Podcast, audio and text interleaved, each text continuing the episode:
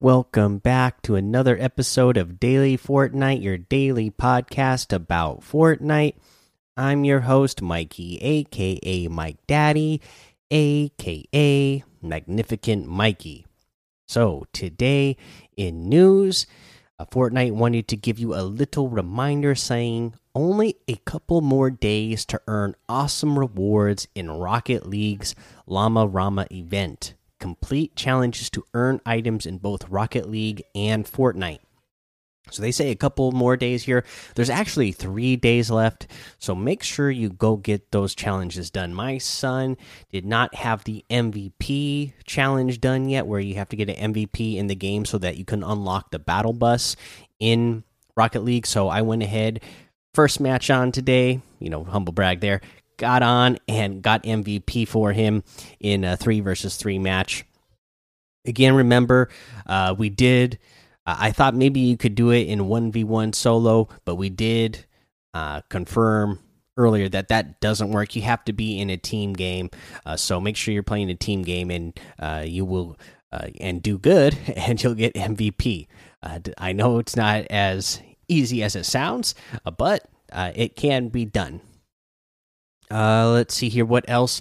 Uh, you know, again, for you know, a reminder tomorrow FNCS starts. So make sure you go watch FNCS on a drops enabled uh, stream because uh, during the qualifiers we will get uh you know the the FNCS emo emoticon and spray. So you get the emoticon, just the little FNCS symbol or logo, and then the spray is again the FNCS for this season's uh, logo.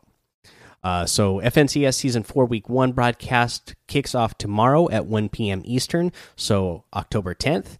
Uh, you can catch all the action here on Twitter or you know on Fortnite.com, Twitch TV slash Fortnite or YouTube.com slash Fortnite. So uh, I again I would suggest definitely going over to Twitch and watching it on a Twitch enables drop uh, channels just so you can get uh, a couple of free items. Uh, let's see here. Let's go over a challenge tip for uh, today. And uh, let's do the one where you need to go drive it, a car from Sweaty Sands to Misty Meadows in less than four minutes without getting out. So here's the deal with this one. Okay, you need the the four door sedan is going to work best. You know, a taxi or just the regular four door sedan uh, because it has the best gas mileage on it.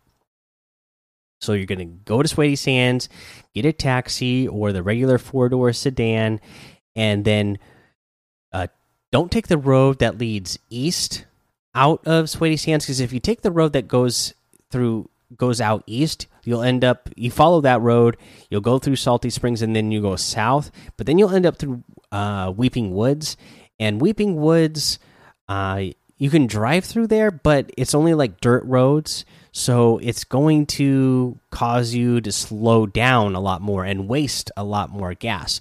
So if you go if you take the road that goes west out of Sweaty Sands, you can just follow that road and stay on that road the whole way to Misty Meadows, and you'll be just fine.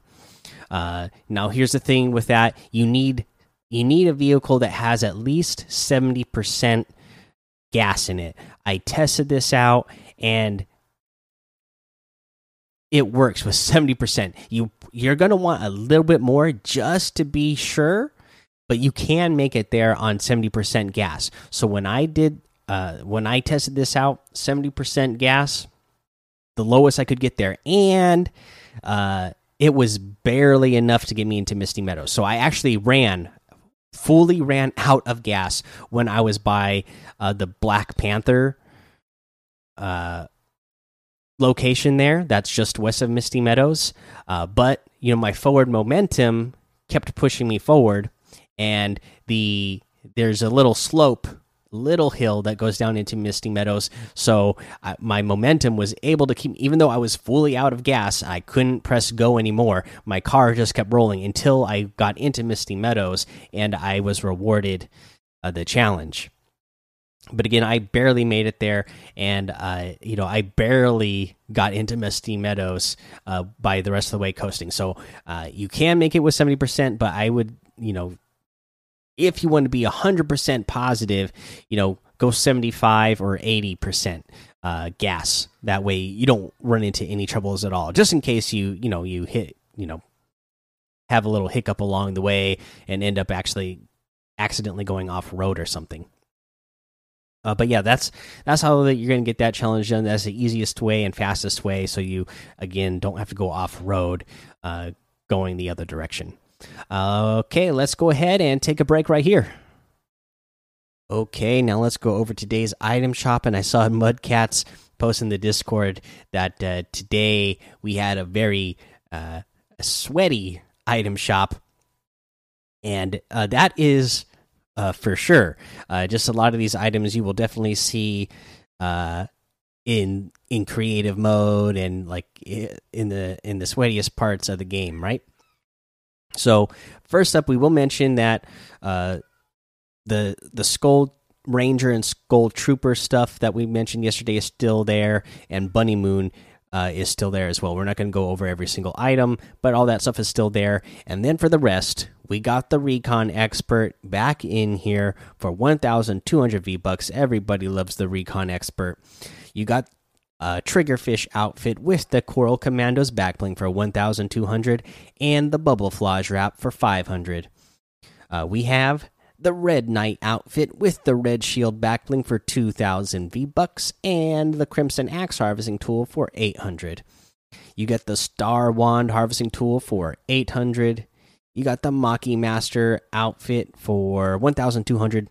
It also comes with that Shrimpy back bling as well. You got the Claymation wrap for 300, the rock paper scissors emote for 200, the have a seat emote for 200, the dynamo outfit for 1200 and despite uh, you know so many outfits being popular in uh, the sweat modes of the game we have the no sweat emote in here today as well for 500 v bucks you can get any and all of these items using code mike daddy mmm I K E D A D D Y in the item shop, and some of the proceeds will go to help support the show. And now, uh, nickname actually posted this in the Discord, and I actually saw this on Twitter and had planned on using it for my tip of the day.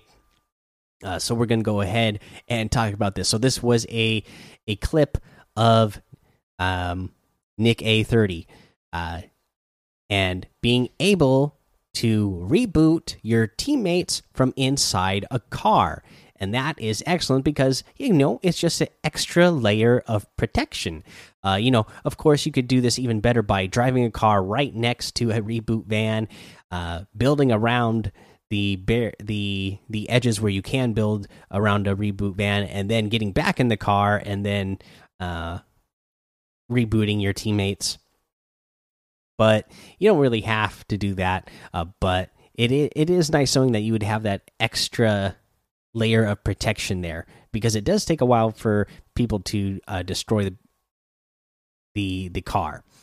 Now, all you have to do is just make sure you're not in the driver's seat. So drive a car right up next to the reboot van, uh, and then get in the passenger seat and interact with the reboot van, and you will be rebooting your teammates. Again, it's nice for the extra protection, but if nobody else is really paying attention, it also just looks like a car is, you know, just kind of randomly parked there. You know, they might not even notice. So uh, they they might not even notice that you are rebooting your teammates. So that is another thing that it can be helpful with. All right, guys, that is the episode for today. So go join the Daily Fortnite Discord and hang out with us. Follow me over on Twitch, Twitter, and YouTube. It's Mike Daddy on all of those. Head over to Apple Podcasts, leave a five star rating and a written review for a shout out on the show. make sure you subscribe so you don't miss an episode. And until next time, have fun, be safe, and don't get lost in the storm.